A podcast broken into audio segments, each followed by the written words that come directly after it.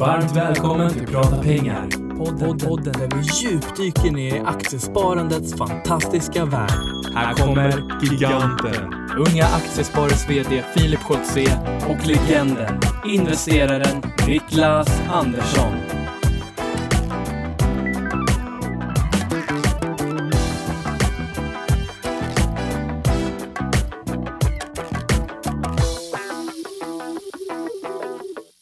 Då säger vi varmt välkomna tillbaka säger vi nu till podden Prata pengar. Och varför säger vi tillbaka Niklas? För att podden har haft semester men inte jag. Ja, jag har haft semester. Ja, Inte du också. Ja, Nej, ni har haft semester. Vi har haft semester, jag och Prata pengar. Eh, vi, eh, vi har ju ändå kommit ut med avsnitt. Vi eh, spelade in en herrans massa avsnitt för, eh, ja, det var efter midsommar faktiskt. Eh, 29 juli eller någonting sånt där. Eh, så förra veckans var en och en halv månad gammalt ungefär. Men nu är vi tillbaka. Och nu är vi tillbaka på riktigt för att så här nära live har vi aldrig varit. Vi spelar alltså in det här idag måndag då den 22 och det kommer komma ut under eftermiddagen. Om vi, om allt går som det ska. Ja, men det borde du göra. borde nej, jag. nej, så här nära har vi faktiskt aldrig varit tidigare, så det är lite kul. Det är är det riktigt kul. fräscht. Det är riktigt fräscht. Hur har din sommar varit Niklas? Ja du, det, den har varit Du bra. har ja. jobbat som du sa. Jag har varit på kontoret för allas trevnad så har jag sett till att inte ta semester. Det brukar ju skaka till ganska ordentligt när jag är ute på semester så att jag har helt enkelt varit hemma på kontoret hela, hela sommaren. Det är vi glada för, för det har varit en ganska trevlig sommar, eh, sommarmånad kan vi säga. Ja, det har det varit. Och det intressanta är också att vi såg en otrolig utsköljning efter Brexit där den 27 när vi fick latrinen över oss, två dagars börsnedgång. Men sen tog det faktiskt inte längre än till 14 juli. Nej. Så var vi tillbaka igen. Och man. jag vet i alla fall att hos, hos oss så var det väldigt många kunder som faktiskt köpte på sig mer aktier. Det kanske det var hos, hos eh, Nordnet också. Jag Vilket, skulle säga att du jobbar på Avanza om, om det är några nya lyssnare nu. Om det inte har gått obemärkt förbi. ja, nej, jag jobbar på Avanza. Och det, det, det var väldigt många kunder som faktiskt passade på att köpa aktier där. Och det är lite grann av ett trendskifte också. Det har man inte sett tidigare på samma sätt att folk faktiskt vågar gå mot ström, strömmen och köpa på sig. Och, Nej, tendenserna brukar vara tvärtom att eh, små, eller privatsparare ska vi säga, vi ska inte säga småsparare, gör fel. Man, man köper det som har gått ner väldigt mycket och man säljer det som har gått upp väldigt mycket. Precis. Och sen inte nog med det så brukar man också tendera att sätta in väldigt mycket pengar när börsen går uppåt Ja. och ta ut väldigt mycket pengar när börsen går ner. Och vi har ju sett dem, vad ska man säga, vi, vi har sett de trenderna långsiktigt när man kollar på fondflöden. För fondflöden är lite mer passiva än, än vad aktier är. Och det är ju som du säger, många tittar på vad har gått upp, det köper jag, vad har gått ner, det säljer jag. Och det brukar vara precis tvärtom, men här såg vi faktiskt att privatspararna, nu får jag hålla i mig att jag säger det, faktiskt passade på att köpa och det är glädjande för det var det största fallet i modern tid på OMXS30, alltså de 30 mest omsatta aktierna på, på börsen. Så är det. Och anledningen till varför vi inte säger småsparare, vi, den här podden är ju unga aktiesparare, så även om vi pratar lite Avanza Nordnet och lite annat roligt också. Men, men det är unga aktiesparare som står bakom den här podden och jag är ju vd för unga aktiesparare och du är regionchef för Öst i unga aktiesparare. Ja, och det jag skulle bara komma, för nu har jag på att tappa tråden direkt, jag är inte van vid att podda, eh, var att ja, men småsparare, det är många som reagerar på det och tycker så här att nej men vadå, eh, vi är privatpersoner men, eh, men det finns ju väldigt många som, eh, som har väldigt stor andel av sina pengar i just aktier och att då kallas småsparare kanske inte så, så roligt. nej men jag tänker att jag har ju en väldigt liten portfölj idag i förhållande till den Ja, portföljen jag kommer ha i framtiden och Just. därför kan jag, jag kan Ah, kalla mig okej. småsparare. Ja, just det. Eh, men jag förstår Ja. konceptet. Förstår Ja, konceptet. man, man det- ska inte trycka ner the little people som, man, som eh, Nej, det är inget BP. Svanberg sa We i USA. about small people. Ja, Det nej. kan man väl säga. I Sverige kan vi säga, i USA kanske man kan säga, eh, nej, nej, så här. De säger it stand, eh, the paper says. Och i Sverige så, så pratar inte tidningen med oss, för det hade varit lite konstigt om vi sagt och då hade folk trott att vi var koko. Mm. Vi säger att det står i tidningen, men de säger det är ingenting som står i tidningen. Vad, vad är det som står upp i tidningen? Så det blir lite här okej. idiomatiska, mm, Just det. ja, Ja. Språkförbistringar helt enkelt. Och, och det blev ju samma sak för Svanberg, för British Petroleum också. Det var inte så uppskattat när man, när man tryckte ner på, på små människor, men det var inte Nu var det en så han menade. språkförbistring där också. Han, eh, Det var ju inte så han menade, men det Nej. kan ju bli fel när det handlar om idiomati. Så är det verkligen. Ha, eh, ska också bara svara vår första fråga som var Mikael Rosenqvist under hashtag prata pengar på Twitter. Han skrev när är ni tillbaka med prata pengar-podden? Saknar en timmes avsnitten där Niklas bara pratar på. Och det han refererar till här är att sommaravsnitten har varit lite kortare, men vi får väl se. Vi kanske kommer upp mot timmen idag, jag skulle tro det. Ja, men då kan jag också hälsa dig Mikael att det är nog ett inverterat förhållande. De som har fått lyssna på mig istället medan mina kollegor här har varit borta är nog väldigt less på det. Så jag är också rätt glad att vara tillbaka och prata timmens långa avsnitt. Ja, härligt. Och vi har en, eh, en härlig höst eh, framför oss med många spännande gäster och vi taktar också bra. Vi vet ju om vi fortsätter som vi gör nu så kommer det bli det 52 avsnittet när vi eh, summerar helåret och det kommer bli ganska häftigt. Ja, sånt vill man inte missa. Det är väldigt viktigt. Om det är så att man har den möjligheten att släppa det 52 avsnittet vid jul och det Då gör man år har 52 veckor, då gör man det. Ja. det, där, det så är det bara. Och det här kan jag dra en liknelse till eh, när det kommer till Dividend Aristocrats i Mm. USA som är en prestigefylld lista man gärna vill vara på. Ja, vad ska vi förklara den lite mer? Jajamän, och det innebär att man behöver höja utdelningen 25 år i rad för att hamna på den fina eh, listan, prestigefyllda listan. Och då brukar folk ibland säga, ja men vadå, ska man höja varje år, men tänk om man inte gör det då? Ja, om vi säger så här, i Sverige i alla fall så sitter väl en vd på börsen i snitt någonstans fem år, jag tror inte jag får gå för att säga det. Jag tror att snitt där ligger ungefär där. Om man då skulle eh, sabba det här och inte höja utdelningen, nu pratar vi om amerikanska bolag, Dividend Aristocrats i USA. Det finns ett antal olika begrepp, Dividend Champions, olika listor, men, men eh, Dividend Aristocrats är väl den, den finaste då. Och om man då inte höjer utdelningen ett år, ja men då åker man ur den här listan, sen tar det 25 år till nästa gång och du sitter inte som vd i 25 år, för du kanske blir vd när du är 40, 45, 50. Just det. Ja, det är möjligt, men det är väl otroligt tråkigt, kanske i slutet på livet att du kan komma tillbaka till den listan. Och man får ingen dispens om man gör ett dåligt år, utan då ryker man. Mig veterligen får man ingen dispans Nej. och där blir det väl också så att man kanske höjer väldigt lite. För tittar man på många amerikanska bolag så är det inte ovanligt att, ut, eller direktavkastningen då, utdelningen i förhållande till aktiekursen är väldigt låg, kanske en, en och en halv procent. Nu raljerar jag. Men de bolag jag brukar titta på så brukar direktavkastningen inte vara jättehög i Nej. förhållande till Sverige. Då vill Nej. man ju hitta de här fyra, fem, fem och en Ja. halv, sex kanske. Ehm, men det är inte lika vanligt där, men då är de duktigare istället på att hålla utdelningstillväxten. Alltså Just att man det. ökar utdelningen över tid. Och i vissa år kan det vara så att man ökar fjantigt lite, men egentligen bara för att inte åka ur listan. ökning. Ja, just det. Ja. Ja, det är intressant det där alltså. Ja, men man, det, det, det handlar om prestige, så man, man vill inte åka ur listan. Nej. Jag tror att det, det, det är nog rätt tryggt att veta att den där bolagen kommer att höja utdelningen Mm. Sen kan det ju vara så att man eh, har lite jobbigt att höja och att de inte höjer takt med inflationen Mm. och det måste de ju göra. Det måste man göra såklart. Men och det jag tänker här, om man då sitter som börs-vd på ett sånt här bolag och så, så ser man att så här, för det här företagets bästa så bör vi inte höja. Eh, påverkar ju kanske då lite andra faktorer inom bolaget som jag hade, jag hade känt så här trist att vara bakbunden av en sån sak. Sen förstår man ju att eh, konsekvensen av att ryka från en sån lista är förmodligen större än att eh, liksom navigera på ett sätt som gör att man kan vara kvar. Oh ja, det är ett stort signalvärde. Mm. Men där kan man också titta på bolagen vad de har för utdelningsandel. Jo, det är klart. Och när vi säger utdelningsandel Ja, så menar vi utdelningen i, i, i förhållande till utdelningsbara medel. Hur stor del av vinsten eh, betalar bolagen ut? Mm, för det här pratas det inte så mycket om. Tycker Nej, jag. nej. Vi pratar väldigt mycket direktavkastning, alltså hur stor del av kursen får jag, får jag tillbaka? Om du får Mm. 3 kronor där aktien ligger i 100 så är det 3 direktavkastning. Men utdelningsandelen pratas det väldigt sällan om och det finns ju faktiskt många bolag som delar ut mer än vinsten. Mm. Och då börjar man ju äta på eget kapital. Ja, och där ska man också säga, vi sa ju att, att uh, utdelningsandelen är en del av vinsten. Vinsten är ju en bokföringsmässig post. Ja, Det intressanta är ju kassaflödet, alltså hur mycket pengar trillar ner på sista raden och hur mycket av det kan vi då dela ut. Men mig veterligen så är det ju eh, andel av, av vinsten, även om det är en bokföringsteknisk post som kan både vara större och mindre när det kommer till riktiga pengar på Visst. sista raden. Men, men vissa bolag delar ut mer än, än vad de har. Absolut. Men, och Eller hur- mer än vad de gör vinst, så att säga. precis. Och hur mycket tittar du på det här som investerare? Inte jättemycket. För man kan väl säga att grundstrategin här det är ju att ett bolag vill dela ut pengar, det här har vi varit inne på förut, ett bolag vill dela ut pengar om det är så att de inte har någonting intressant att investera i. Har man något intressant att investera i, ungefär, vi bruk, brukar prata Balder, jag har blivit aktieägare under sommaren förresten. Ja, grattis, Erik Selin skulle bli glad. Ja, jag såg faktiskt, eh, nu blir det sidospår, men jag såg ett klipp som jag hittade på nätet, det var nog ett par år gammalt, där han var på en aktiespararträff eh, och presenterade Balder. Och jag gillar ju eh, den här typen av liksom, företagsledare som han, han sitter ju tungt i bolaget med ja, 50 procent någonting. Ja, 40, 44, 43, 44. Ja, han sitter tungt helt Mm. enkelt. Och, eh, och, och liksom fortsätter liksom driva det här bolaget operativt. Jag tycker det är superhäftigt. Men eh, ett annat spår då. Han väljer att inte dela ut några pengar till sina stamaktieägare för att han anser väl att han kan göra bättre med pengarna i, inom Balder och det gynnar ju aktieägarna också. Om ett bolag inte ser de möjligheterna så delar man ju hellre ut för då blir nyckeltalen lite roligare eh, när man inte har så mycket pengar kvar i bolaget. Så det är väl grundstrategin. Så hur ska man titta på det här egentligen? Vad, finns det någon nyckel? Det här är en rimlig utdelningsandel eller är det alltid unikt för ett specifikt bolag?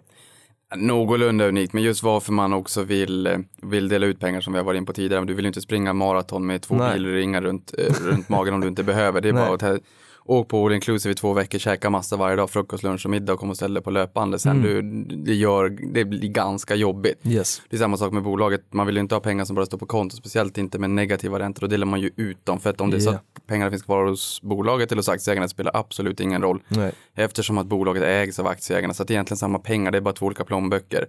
Bolaget ska inte ha mer pengar än vad de behöver för att driva runt rörelsen, därför att många av bolagen faktiskt mäts på lönsamhet. Eller man mäts på lönsamhet som, som en av, av flera mått då, helt enkelt. Och är det så att man har för mycket pengar och drivs inte bolaget effektivt när det kommer till, Nej. till, till hur man hanterar pengarna.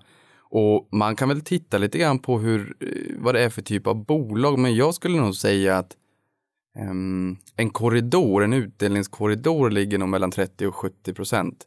Det är nog vanligast skulle jag säga. Som andel av vinsten då? Som andel av vinsten, alltså om vi tänker på alla bolag, Just hur det. mycket delar man ut? Ja men om jag säger mellan 30 och 70 procent, då får vi in ganska många bolag Ja. där, av de som delar ut. Mm. Sen kan det ju vara så att är man ett mindre bolag som vill växa, då tenderar man nog i större utsträckning att behålla pengarna för att de arbetar på bättre i bolaget än vad de gör för att dela ut pengarna till, till aktieägarna. Ett ungt bolag ska utveckla produkter, ska komma in, öka distributionen, ska expandera till nya länder, anställa eh, mer kompetent personal, forskning och utveckling. Det gör ju stora bolag också, men, men det, det, det, mindre bolag absorberar större del av pengarna och där gör de nog förmodligen väldigt bra nytta. Större bolag som är lite mer mogna, de behöver inte pengarna i samma utsträckning. Kolla på Telia exempelvis. När bolagen blir mogna och, och, och förvandlas, det är som många av våra lyssnare säkert spelar Pokémon Go. Jag har inte gjort det. Just det, det har, det, Pokémon Go har hänt sen vi satt i den här studion Ja, sist. och, och samlar man nog många så, så förvandlas den där Pokémonen till någon ny starkare Pokémon som ser lite annorlunda ut. Och det är samma sak med bolag, när de blir nog stora så, så kan de svänga in till en kassako helt enkelt. Och då Just kan det. man dela ut en större del av, av resultatet. För pengarna behövs inte, man, man växer inte i den takten helt enkelt. Nej. Och Men- det är väl därför då Telia som du tog som exempel nu har ju väldigt hög direktavkastning och säkert hög utdelningsandel också då. Jag vet inte vad den är. Men... Ja men säg mm, kapitalsnåla verksamheter, Avanza Nordnet, vi har 70% av resultatet, ni har 60% av resultatet över en konjunkturcykel skulle jag säga. Och nu säger Nu vet ni, inte jag. trots att jag inte jobbar på Norden. men, men Jag är konservativ. men, men eh, bara för lyssnarna då, vi, vi kan tjabbas men bara så att folk fattar. Ja, och jag, jag vet inte om det står ordagrant eh, i båda bolagen, men bolagen, många bolag brukar skriva över en konjunkturcykel.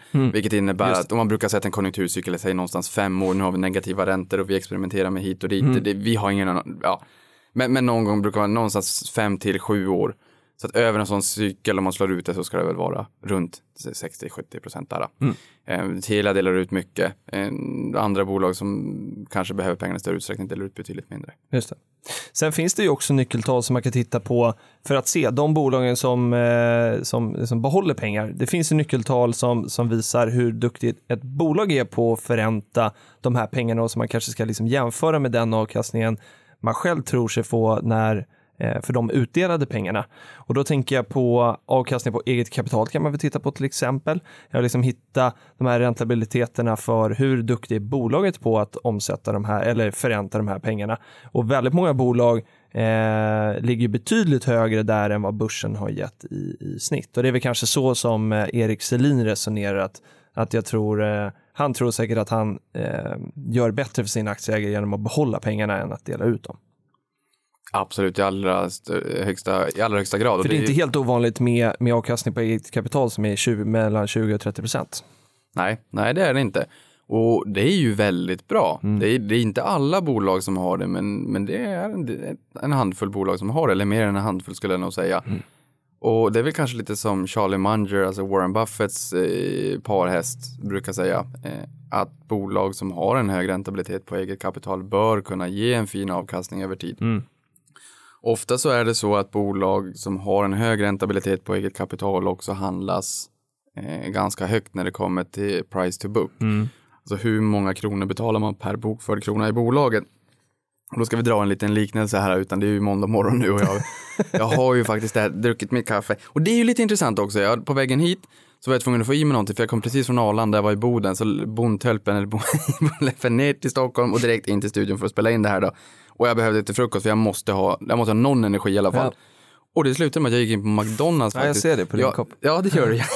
jag kan inte dölja någonting. jag brukar inte käka där i vanliga fall. Jag tycker det är lite mycket socker, lite onyttigt. Jag försöker hålla mig inom, inom mina ramar, men går jag på någon burgarkedja så går jag på Max och sen så hoppas jag att de ska noteras också. Men nu gick jag faktiskt in här och köpte lite frukost och då var det en sån här McMuffin tror jag att den heter och en kaffe. Okej, Ehm, 20 spänn. Det är bra. Ja, inte mycket alls. Nej. Och Jag blev ju faktiskt mätt, det var lite ost på den där som var inte jättenyttigt. Men det här med kaffet också börjar man ju ifrågasätta. Alltså, det är ju inte jätte det är inte fy skam, det är bättre kaffe än på Unga Aktiesparare. Och då såg jag en Ja, artikel. det, det kaffet är inte gott Nej, alltså. det är det inte. Och då såg jag en artikel här för en tid sedan i amerikansk media där de ifrågasatte Starbucks lite grann och Mm. om det så att glansen faller. För förut så var den verkligen babyn som, som alla vurmade för och McDonalds gick käpprätt åt helsike. Och nu har det varit lite grann tvärtom. Eh, Starbucks har stått och, och stampat lite grann medan McDonalds från augusti, slutet på augusti 2015 har smält upp ordentligt på amerikanska börsen. Mm. Och har även eh, lagt in frukost hela dygnet i USA vet jag att de Jaha. Mm. testade det där i alla fall. Så den har faktiskt gått riktigt, riktigt bra. Så det kommer jag att tänka på, på när jag ser muggen här.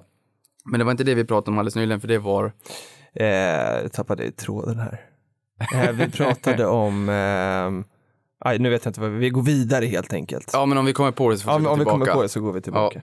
Ha, eh, vi har inte kommit så långt i, i dagordningen höll jag på att säga, men vi pratade lite sommar också. Har du bara jobbat? Oh, nu vet Okej. jag! Nej, jag har inte jobbat. Nej. Ja, men nu jobbar jag. Nu jobbar jag gärna för högvarv. För nu Ja. kommer jag på vad vi pratade Okej, om. Vi pratade om nyckeltalen. Nyckeltal, Ja, och det man kan se där Just då.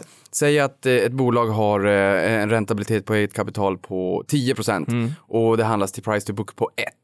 Ehm, det innebär ju att 10 procent, man skulle krasst kunna säga att om ett bolag har, omsätter en miljon och tjänar 100 000 kronor så har den en räntabilitet på eget kapital på 10 procent. Ja. De alltså tjänar 100 000 på en miljon eget kapital, det är 10 procent. Mm. Ehm, price to book är ju hur många gånger det bokförda värdet för att betala för det här bolaget. Om jag får betala ett så innebär ju det i sådana fall att jag faktiskt får 10 procent Mm. inom citationstecken. Men säg att ett bolag som har en räntabilitet på eget kapital på 20 procent, Mm. alltså de förräntar sina pengar bättre än vad det här bolaget nummer ett gör. Ja. Men sen har jag en prislapp, price to book, på 2. Då innebär ju det egentligen att det är samma sak, för jag betalar dubbelt så Ja, mycket precis. per bokförd krona. Just det. Det där är intressant. Jag har faktiskt aldrig tänkt på det. Nej, så då kan man ju sätta det, Det man kan blev göra lite mattelektion. men en sån där liten Excel-snurra, vad får jag för räntabilitet på eget kapital? Bolaget har en räntabilitet på eget kapital på 20 procent, Mm. men jag har en räntabilitet på eget kapital i det här fallet på mina investerade pengar på 10 procent Mm. för att jag betalat eh, två gånger price to book. Men för er som tycker att det har varit lite gormigt, strunt samma, ni behöver inte ens tänka på det här, inte om ni är långsiktiga.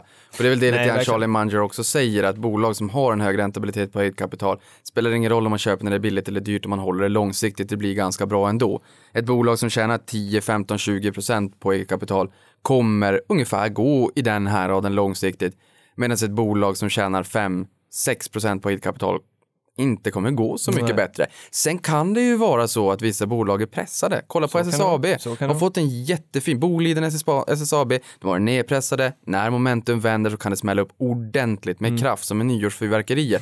Men det där håller ju i sig lite grann nu och då. Ja. Det kan vara nedpressat och sen smäller det upp. Men tittar du långsiktigt, SSAB är ju ner, jag vet inte hur mycket. Ja. Ta bort, en, ja, men ta bort en, en, en, kontantinsats från 100% på en tioårsperiod. Det är väl ungefär där SSAB ligger. Mm. Så att även om du får de här smällarna uppåt kortsiktigt så kolla i hur bolagen Ja, går precis. operationellt och var långsiktig. Så är det. Sommaren då, det var ingen fråga jag bara hittade på, utan det var faktiskt på riktigt. Har, har, du, har du gjort något roligt sommar förutom att jobba? Ja, jag har, förutom att jobba så har jag jobbat. Ja. du har varit väldigt aktiv på Instagrams nya stories. Ja, Faktiskt, och jag eh, kör ju alla de där digitala kanalerna för min arbetsgivare också. Jag tycker det är otroligt roligt. Där, eh, Du, du ser ju aktier i överallt. ja. sen är ju frågan, jag vet ju inte vad, vad kunderna vill se heller, men, men eh, Jag får Instagram, säga till. ja, för Instagram stories är ju ett sånt sätt, det försvinner efter 24 timmar och jag Precis. ser ju börsen dygnet runt och det, men jag har ju aldrig fått man skulle kunna säga att de olika digitala kanalerna har olika målgrupper på något sätt och Instagram stories blir ju lite mer plojigt. Och eh, jag tror både du och jag, vi är väl lite mer seriösa på Twitter. Det plojar inte så mycket, man kan ha lite glimten i ögat. Men det är en seriositet underliggande. Man, man vill ju ha, Så nu leker du på Instagram ja men på Instagram leker jag. Ja. Och Det kan vara att man fotar ett litet lås eh, där det står Assa Assa. Abloy och sen så skriver jag att bolaget har gått upp si och så mycket på fem år eller jag skulle flyga upp till Norrbotten men då såg jag ju ett Norwegian-plan och ett SAS-plan bredvid varandra. Klart att jag ska fota dem där. SAS står på backen upp 18% på fem år liksom, och Norwegian upp 220. Det är sånt där jag bara kommer i min skalle. Jag får ju, jag får ju sån här huvudvärk om jag bara kan få ut det där på något sätt och då är Instagram stories bra. Och när jag kommer att tänka på huvudvärk så hade jag lite tandvärk för första gången i mitt vuxna liv. Det är väl lite vuxenpoäng här i somras. Kunde du betala med skogen när du gick till tandläkaren? Nej. Nej, jag var tvungen att reda likvider, annars hade de begärt mig i konkurs. Och det intressanta där var att jag, köpte någon Ibuprofen som var, eh, som de rekommenderade då på, på, ehm, eh, på, på, på, på, apoteket, apoteket. Apoteket. Ja, och, och det där var ju nog generika. Och generika ska vi säga, det är ju så här att när ett läkemedelsbolag forskar fram läkemedel så får man patent på 20 år och det är ganska rimligt. Därför vilket läkemedelsbolag skulle vilja forska fram och lägga massa pengar på personal och forskning om man inte får någonting för en, om man inte får någon form av exklusivitet. Så i normala fall, det här är inte mina domäner, men jag tror inte jag tar med vatten över huvudet när jag säger att 20 år, om man dessutom tar fram ett läkemedel som når kommersiell fas, så får man exklusivitet och säljer det här i 20 år då. Och då tar de ju ganska bra betalt för det. Verkligen. Och d- den här betalningen, det är ju såklart för att få tillbaka pengarna för all forskning och alla utlägg man haft, plus att man vill göra en vinst. Det är lite grann som Elon Musk och Tesla, man tar rätt bra betalt för Tesla-bilarna idag för att forska fram den mera me- medelsvensson-bilen och det är man ju öppen med, men de som är early adopters är ju beredda att betala Ja, för det. visst. Det jag vill säga där i alla fall, den där kostade 45 spänn, sen när jag kom till jobbet som jag har, du köpte den där billigare? Nej, så den kostar 45 spänn. Och för de tittade då på, på apotekets hemsida, då sålde de den för 18.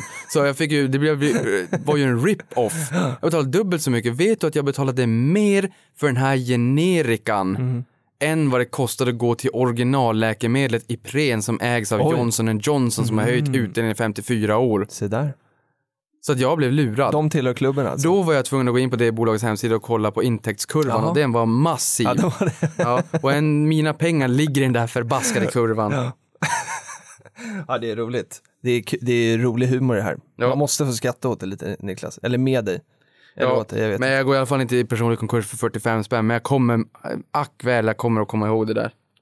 Det tror jag. Det var lite roligt faktiskt. Ja.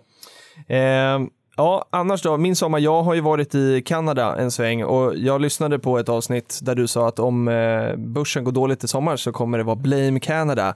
Men det blev inget Blame Canada, eh, utan Kanada var snälla mot, eh, det är kanske jag som ska åka på semester. Ja, det är då det går bra. Du är hemma och jobbar och jag åker på semester.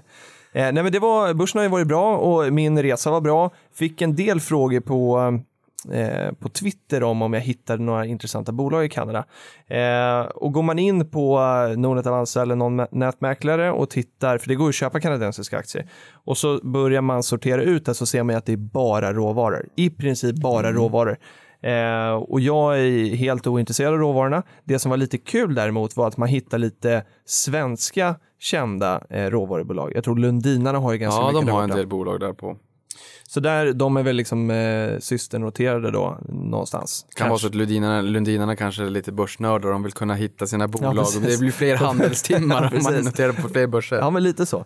Men annars så skulle jag väl säga att det som sticker ut i Kanada, som i alla andra länder, är banker. Eh, jag började kolla lite grann på de kanadensiska bankerna och en som jag sett har handlats lite friskt i Sverige är Scotiabank.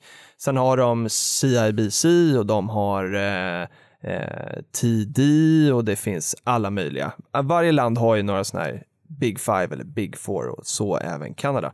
Men annars är det väldigt mycket amerikanska bolag som syns. Det enda som är lite tråkigt, det är en, eh, en kaffekedja som heter Tim Hortons eh, som köptes upp av Burger King tror jag, så den finns inte längre att köpa på den kanadensiska börsen. Ja, de har väl blivit utköpta från Sverige också. Nu får ni rätta mig om jag har fel, men NSP eh, Ja, den här Nordic Service Partner någonting. Eh, har väl fått de ett bud kvar? på sig. Nej, Ja, det jag, kanske ska, de har. jag ska kolla. Du vet, vi har ju, nu för tiden finns ju en mobilapp också ja, på precis. bankerna. Vi Ja, just det. Det är smidigt. Men då kan jag berätta så länge Ja. eh, att eh, ja, men Tim Hortons i alla fall, det är lite som Starbucks fast det är lite billigare. Eh, hade jag gärna sett kvar på börsen. Jag tror att det var ett, eh, ett fint bolag. Så där handlade jag en del.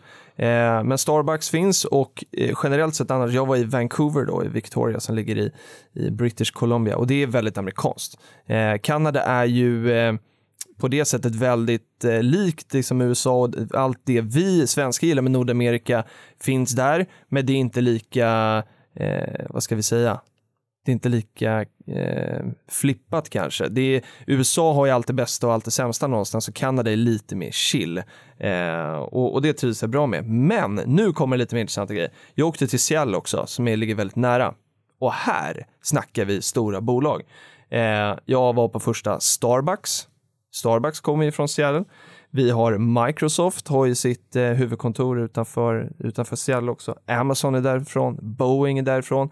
Eh, de såg jag när jag var där, men sen eh, gick jag in på Wikipedia och såg också att T-Mobile och AT&T, två stora amerikanska telekomoperatörer, huserar där. Ganska coolt med så stora bolag i en sån relativt liten stad i alla fall och det, det märks för de här bolagen syns i den stan. Framförallt Starbucks, för där, på den första, den ser inte ut som någon annan Starbucks utan den är i gammal stil, jag tror att den öppnade 1912.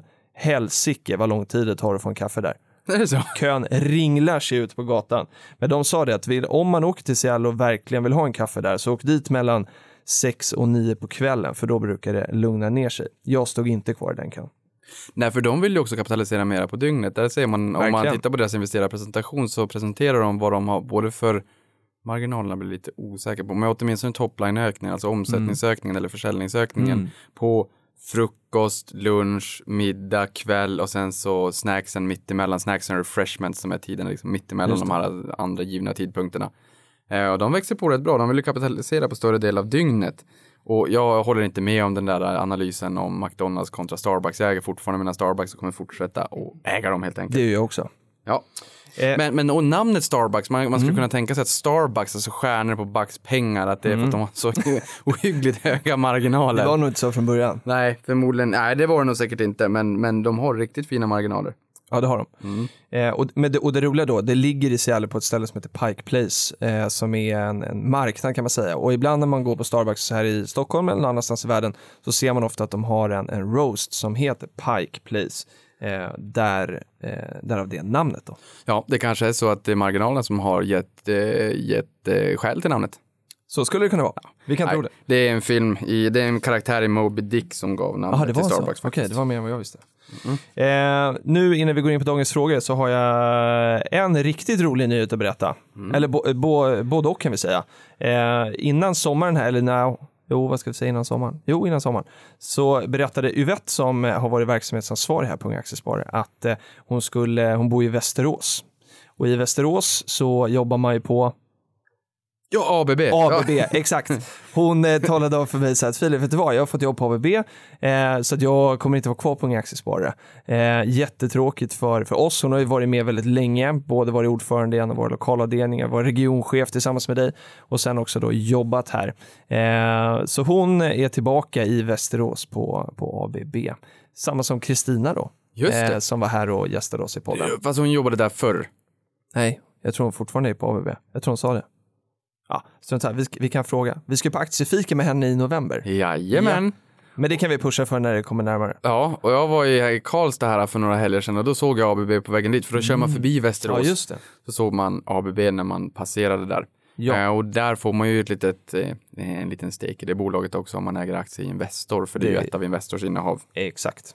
Men nyheten då, då är att idag, måndag då den 22 när vi spelar in det här, så har vi en ny eh, förstärkning på kansliet och i ingen mindre än Tove Sander som sitter här i studion idag. Och jag tittar inte på dig för då eh, vinklar jag mig bort från micken. Men varmt välkommen till Unga Aktiesparare. Och Tove eh, har eh, likt eh, mig själv eh, jobbat tillsammans med Günther. Så hon är en sån här Güntern då som vi, som vi kallar oss. Eh, tramsigt eller inte, jag vet inte. Men det, vi kallar oss så i alla fall.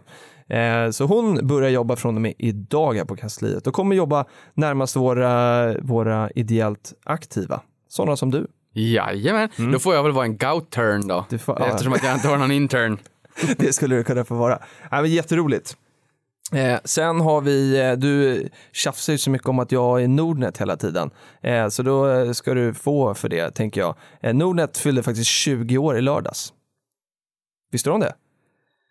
Ja, grattis Nordnet. Grattis, Nordnet fyllde 20 år. Eh, Nordnet Jo, är... det visste jag. Ja, du visste jag har det. sett det. Ja, du har sett det. Eh, och, eh, och Nordnet, precis som, eh, som Avanza också faktiskt, men idag ska vi prata lite Nordnet, eh, är ju en, eh, en härlig samarbetspartner till Unga Aktiesparare eh, och ger oss bland annat lite billigare courtage när vi handlar eh, nordiska aktier. Men just den här veckan så har Nordnet och i och med att man fyller 20 eh, så har man plockat ut 20 av världens största bolag sett till börsvärde, så det blir ju tror jag bara amerikanska som eh, man kan handla courtagefritt hela veckan. Och det passar uppesittarkvällen bra Niklas. Nu kommer inte du handla på Nordnet tror jag, Nej. men för de som gör det eh, så blir det lite trevligt för uppesittarkväll, för det är på onsdag. Och vad betyder det? Uppesittarkväll alltså. Ja, nu är jag klar med Nordnet så nu kan du jag lyssna har igen. suttit här och har avskärmat mig så jag inte hör det där. Nej, det innebär ju att vi sitter uppe ända fram till tolvslaget och funderar och pratar om vilka aktier vi ska köpa såklart den här månaden då när lönen kommer. Vi det, brukar kalla det kassaflöde den 25, alltså lönen trillar in på kontot. Just Det är det. ju pengar vi är beroende av för att bli oberoende av den 25 helt enkelt. Precis. Vilket då menas att man är oberoende av att inte behöva jobba. Ja. Eh, och det här är ju en trend som faktiskt har stärkts i större och större utsträckning. Vi har ju miljonärerna 30 då på Twitter också som har pushat för att vi ska på ja, något sätt verkligen varit på och det gillar vi. kommersialisera det här. Ja. Eh, och trenden har ju bara förstärkts med ett litet hack där när det var eh, fotbolls-EM. Men vi var den största trenden i Twitter i Sverige förra månaden. Ja, och det var så roligt för att det var många i flödet som frågade så här, vad uppesittarkväll, det är ju inte julafton. Nej? Nej, jag precis. såg det också. Det är dag före lön. Nej, då, då sa de, nej men det är något gäng aktienördar som pratar om vad de ska köpa för aktier.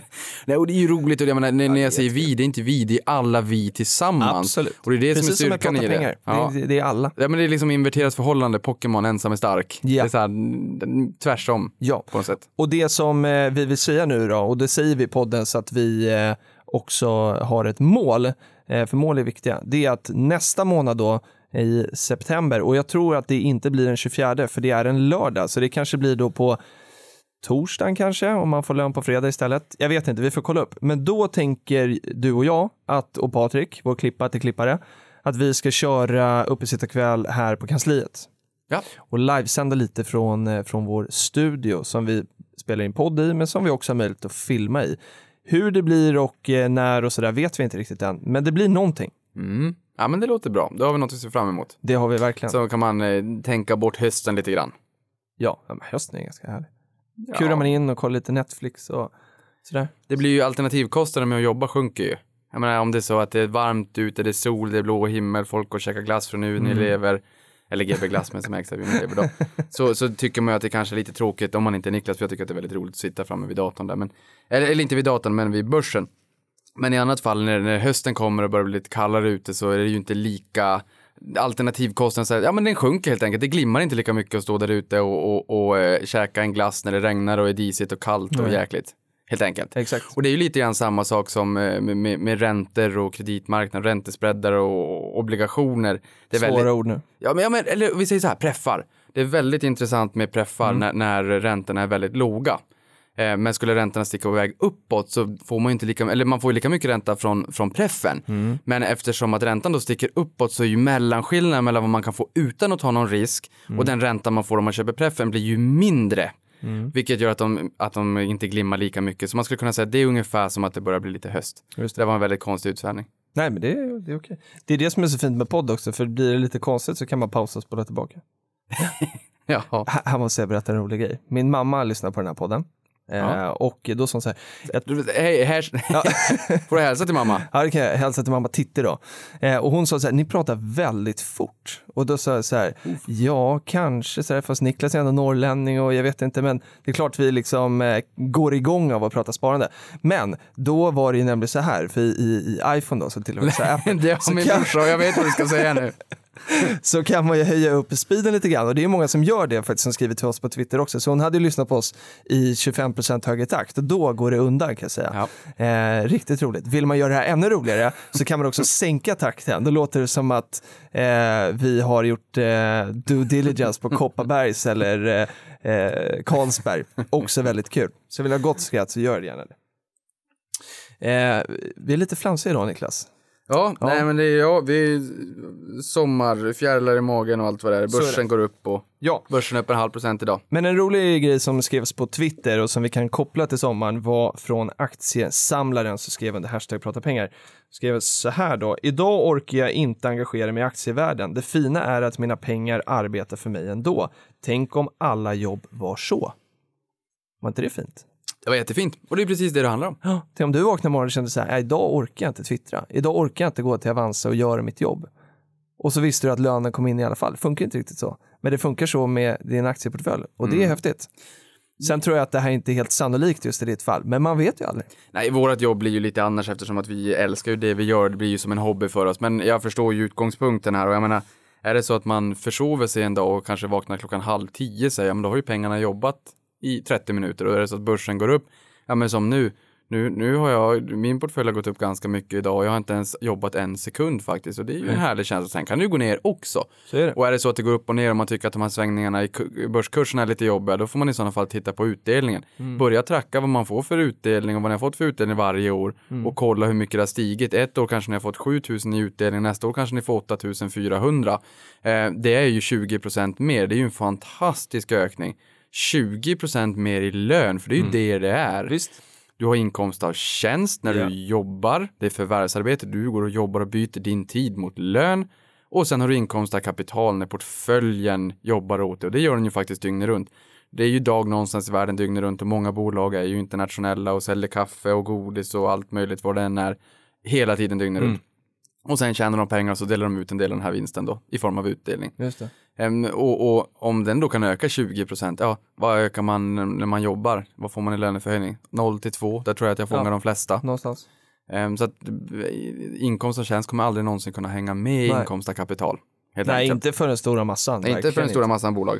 Och det är ju intressant då när man går till jobbet, jag menar, jag åker en buss från, eh, från Volvo eller kanske från Scania och bränsle från Lundin har de kommit än? Hybricon, Ja. ja, ja de, de, de är ju lite i dvala tycker Ja, jag. De okej. kör ju sina bussar i Umeå. För visst jag- köpte du lite Hybricon? Ja, det gjorde jag. Ja. Jag, jag har lite Hybricon-aktier. Det är ett, eh, ett Umeå-baserat bolag som eh, producerar elbussar. Man Mm. köper chassin, skal från Polen och sen så integrerar man Mm. sin teknik där då. Eh, vilket jag, när jag lyssnade på det var lät väldigt bra. Man laddar en elbuss på, på tre minuter och man kör en timme. Det är bättre än, än motsvarigheterna från Volvo med flera. Det Eh, men det är ett litet bolag och det ska säljas och det, Ja. liksom, det, det, det går lite knackigt i början men det, verkar som att tekniken åtminstone faktiskt är väldigt bra. Det är ett litet bolag så att innan ni bara springer på och köper det här, läs på först. Man ska det här, alltid läsa på. det här är ett bolag som vars kurs har rört sig väldigt Mm. mycket. De är inte så duktiga på att kommunicera i marknaden. Vilket de borde när kursen har svängt lite grann. Mm. Men, men ändå rätt intressant. Så läs på i alla fall och se om det är intressant eller inte. Mm. Men gå inte och tryck på köpknappen direkt. Nej, Ehm, bra tips. Och sen så tunnelbanan, det är lite tåg från Bombardier och vägarna byggs från Skanska, man ser lite NCC, såna kranar lite här och var. Du ser lite H&M när du går på vägen, jag är lite lat ibland så jag tar med kone rulltrappan. Du ser Du, bra att du sa det nu. och ett JAS-plan i luften som brummar förbi när man går in. Ja, men apropå rulltrappor. Eh, Kona har lite att jobba på i, i eh, Vancouver och Seattle ska jag säga. Är de för nyttiga? Nej, d- du ser dem inte. Det, det, är bara, det är bara Schneider tror jag. Ja, Otis är ju störst i världen. Ja, men eh, jag, jag såg nog i princip bara Schneider. Så att Kona har en marknad där borta. Det måste de i sådana fall jobba på. Mm. Det, vet, det, det jag vet där, det är ju att 69% av nyförsäljningen förra året gick till Kina. Ja, okej. Eh, och där kan det väl vara så att det, det, kanske är lite grann det här med ska man dela ut pengarna eller ska man låta dem fortsätta jobba i bolaget och vart får vi bäst räntabilitet, vart sätter vi pengarna på bäst i Kanske Kina är arbete. mer intressant än Nordamerika. Ja, och ska vi sätta dem på ett underground gym i Pajala eller ska vi låta dem jobba på Sats i, i, i centrala Stockholm? Nu är det inte så stor skillnad, gymmen är fortfarande säkert lika bra. Ja. Men, men, men det jag menar är att de jobbar nog kanske på bättre där helt Mm. enkelt, en lite bättre lönsamhet. Kommer du ihåg den här jämförelsen vi hade för en tid sedan när vi sa att Kina använde lika mycket cement mellan Just det. 2011 och 2013 som vad USA använde under hela 1900-talet. Mm. Så att därav tror jag, men samtidigt konstigt, de borde ju finnas i Kanada. Ja, men, och det gör de säkert. Nu Ja. åkte inte ju alla Kanadas rulltrappor. Ja, det var ju Eller hissar. dåligt. Ja, det var lite Ja, det var lite dåligt. Vi har betat av kanske 50-60 stycken i alla fall. Ja, det är bra, men fan du ser lite väl smal ut. Du kanske borde börja åka lite mer rulltrappa. Gå på donken, Gå på då donken. löser det sig. Eh, vi går in på nästa fråga eh, som kom från Simon Brynskog också på Twitter. Han undrar efter tips på investmentbolag till utdelningsportföljen. Eh, och så säger han att han var inne på Ratos för ett tag sedan men känns inte lika intressant längre. Eh, och jag väljer att gå emot här då just på Ratos, så jag har kört på mig lite grann. Varför Men- har du gjort det? Vad sa du? Varför har du gjort det? Nej, men alltså jag, jag och Ratos häng, har hängt ihop länge och sen tröttnade jag och, eh, och klev ur för att jag tyckte att liksom, det blev ingen styrning på det här som jag ville. Och rapport efter rapport så, så var det bara tråkiga nyheter och kursen har ju slaktats. Och sen har jag sommarstädat portföljen lite grann eh, och, eh, och hade lite pengar över och då bestämde jag mig för att kliva in igen för jag tycker att det är intressant att ha eh, ha exponering mot det här onoterade och det finns en stark ägare i liksom familjen Söderberg bakom. Eh, de delar ut bra pengar som det är idag, eh, så bara, bara den om det är 6% eller någonting är ganska intressant liksom årlig, även om det är mm, i totalavkastning då, även om det bara är i, i direktavkastning. Men de har ju problem och de behöver liksom bevisa sig och anledningen till att jag gick in nu var för att eh, det kommer en ny vd och det blir Byggmax eh, gamla vd här. Eh, så att ja, det här är helt enkelt ett, ett, eh, eh ett långsiktigt beslut. Jag vet att jag vill eh, äga Ratos och så klev jag in nu för att det liksom skedde lite förändringar. Ehm, men de rosar ju inte marknaden direkt. De kom med rapport förra veckan, det var väl ner 6% 6,5 till slut kanske, och så där, men den var uppe på 8-9 under dagen. Så att eh, det gäller is i magen. Ja, Ratos, 150-årigt bolag, Ragnar Torsten Söderberg. Exakt. Eh, och då är det lite grann rata Ratos eller Ratos är mitt patos. Alltid under Twitter, hashtag prata pengar, säga om du tycker att det, om, om det här valet var rätt eller fel av Filip. Ja, men jag har alltså fångat lite fallande knivar under den här sommaren, precis som, som Novo Nordisk som också fick eh, lite smällar. Så att jag vet inte om, eh, men, och då sa jag det nämligen, eller jag skrev det på, på Shareville att jag fångar fallande knivar. Och då var det någon som sa, men du och Niklas säger alltid att man ska köpa när det gör som ondast och det här gör ont. Så att, eh, ja, Ja, för där var det en som sa, förutom Ratos då, det, det har ju varit lite tråkig utveckling och de har ju sålt många av de fina bolagen och har kvar lite grann av de problemtyngda bolagen. Å andra sidan, det här är ju ett bolag som har funnits i 150 år och lär väl finnas säkert många år till. Ehm, men det var lite tråkigt för Susanna Campbell har ju inte varit ute och, och, och kommunicerat mycket i marknaden det ska man göra. Och speciellt Verkligen. om det går dåligt, då måste man guida Prata. och leda sina aktieägare. Man måste hålla dem i handen och säga att ja, men, ja, man får inte sticka huvudet i sanden, man måste prata. Ibland så eh, kan man sitta där hemma på, på sin eh, kammare med armarna i kors och bara vara sur och butter. och säger sen, ja men du måste ju prata med mig, du kan ju inte, ja, ni, ni förstår. Man, man måste prata. Ja, visst. Speciellt om det är utmanande, men nu såg vi liksom att de har le- levt lite grann i skymundan och nu valde man att, att byta vd. visst, Och ett sånt där bolag är ju beroende också av personerna bakom. verkligen. Ehm, Men, men intressant framåt, jag menar, det är ju, du, du, du svingar ju inte den här utan du äger den ju långsiktigt helt Absolut. enkelt. och sen, sen ja, ibland blir man ju lite mer kortsiktig än vad man tänker sig. När jag ägde den i förra gången så tänkte jag nog att jag ska aldrig sälja och sen händer det grejer som gör att man ändrar sig lite grann. Men, Mm. men jag har ett långsiktigt tänk. Det är ingen, det är ingen swing här nu. Nej. Så får ni vara på mig om jag säljer den i oktober för jag har tröttat igen. Men, men jag säger så nu i alla fall. Och det här även med Novo Nordisk, det är ju intressant. På Avanza så, så hade vi haft runt 400 avslut i, i, i Danmark och sen gick det upp till fy, per dag och så gick det upp till 4000 Ja, avslut. herregud. Jag kan tänka mig att det är likvärdigt hos, Säkert. ja, inte er, men hos Nordnet då. Ja, tack. Eh, i- ja, varsågod. Nej, men eh, jag kan tänka mig att avsluten gick upp väldigt mycket även där. Det här är ju ett bolag i världsklass. Mm. Sen hade de hade, var lite utmanande i USA, man har fått sänka priser lite grann, men det har varit sådana upphandlingar för att komma in och man tycker att ja, men har konkurrensen börjat öka. Egentligen samma tema som man har sett på spelbolagen och nu ser jag Just. spelreklam lite överallt. Har konkurrensen ökat? Bra eller dåligt? Är det Just det. offensivt eller är det defensivt? Nåväl, det var ju ändå ganska intressant och förmodligen ett bra köpläge för de som köpte på sig det här. Enskilda var ute och sa och under, betonade att det här är ett bolag i världsklass. De har väldigt fin omsättningstillväxt, alltså ökad försäljning om man tittar långsiktigt och väldigt fina marginaler. Och då pratar vi Novo Nordisk. Novo Nordisk. Ja, men, och det är, men det är konkurrens där också. Diabetes. Ja, diabetes. Men det finns konkurrens även där. Ehm, så är det. Men ja, så lite sådana intressanta grejer har ju ändå hänt i sommar. Jag vet inte, vi svarade inte riktigt på frågan. Det var bolag till, eller investmentbolag till utdelningsportföljen och Ratos är väl, nu räknas kanske inte riktigt som ett investmentbolag, men i, i dess legala mening tror jag. Ehm, men eh, tittar vi på de andra stora investmentbolagen så är ju inte det de högst utdelande på Stockholmsbörsen, utan de ligger väl så snittet ungefär. Eller är jag ute och cyklar nu?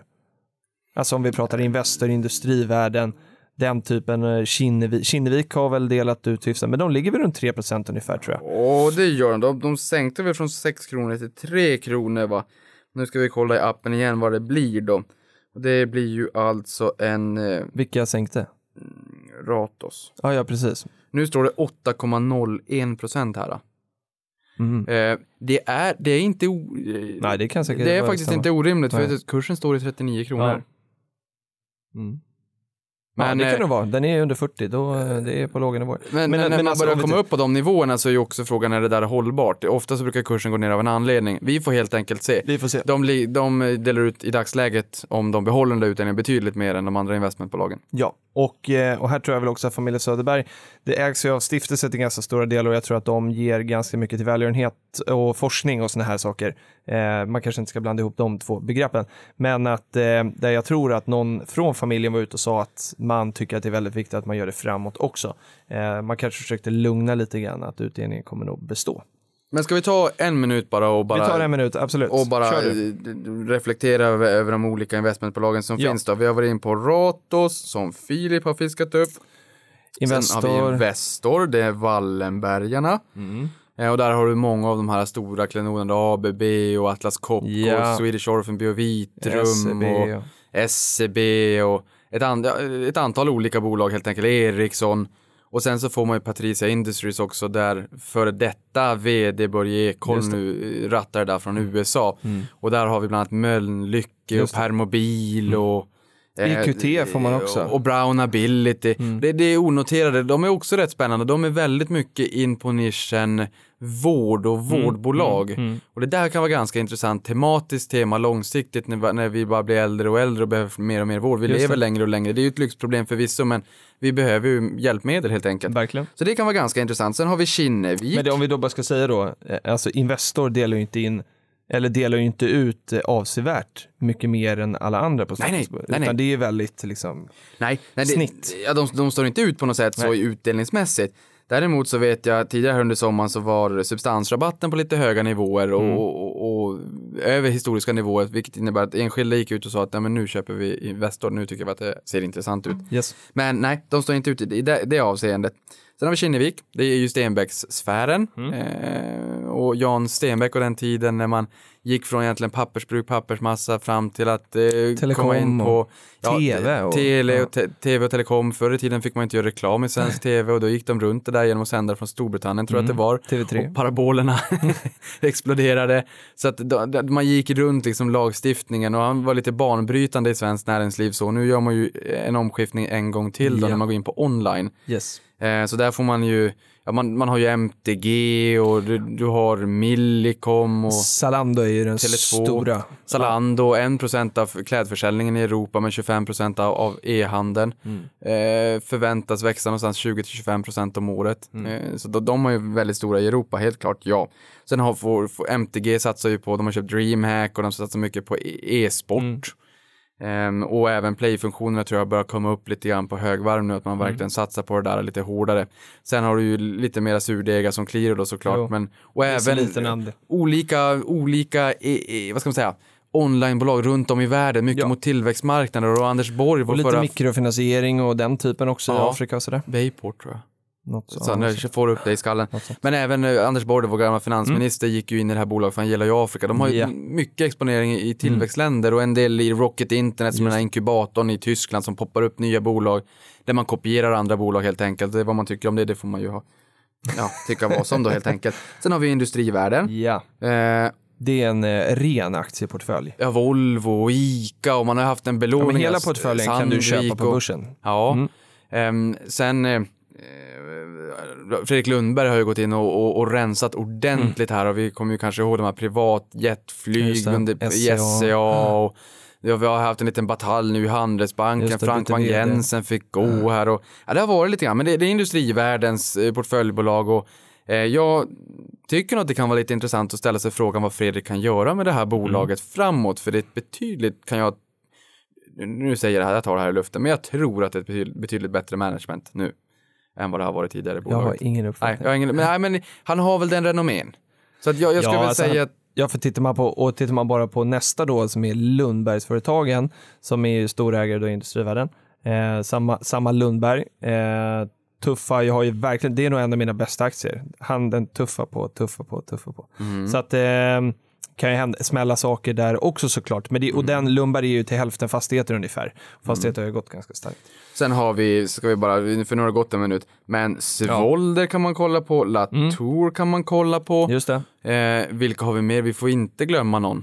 Eh, Melker Körling har vi Mel- också. Melker Körling, Vi premievärdering. har eh, Öresund och Creades. För att prata lite gamla Avanza-ägare. Ja, Öresund, Kviberg, Creades, Hagströmer. Mm. Eh, vi måste ha några fler. Jag vet att vi har några fler. Bure. Bure har du. Eh. Du har, eh, du har East Capital Explorer, någon sån här, heter det inte något sånt? Jo, jo att de hade något sånt där. en- Det, det var lite fuffens i det där för några Jaha. år sedan. Jag vet Aktiespararna skrev om det, men Jaha. det, om Nej, det finns kvar. Nej. Men det är ett gäng i alla fall. Traction har du också. Ja, bra. Du får eh, VG+. Tack. Men jag gillar investmentbolag. Jag har ju hälften av dem där ungefär i min portfölj. Så att jag, jag tycker de där är bra.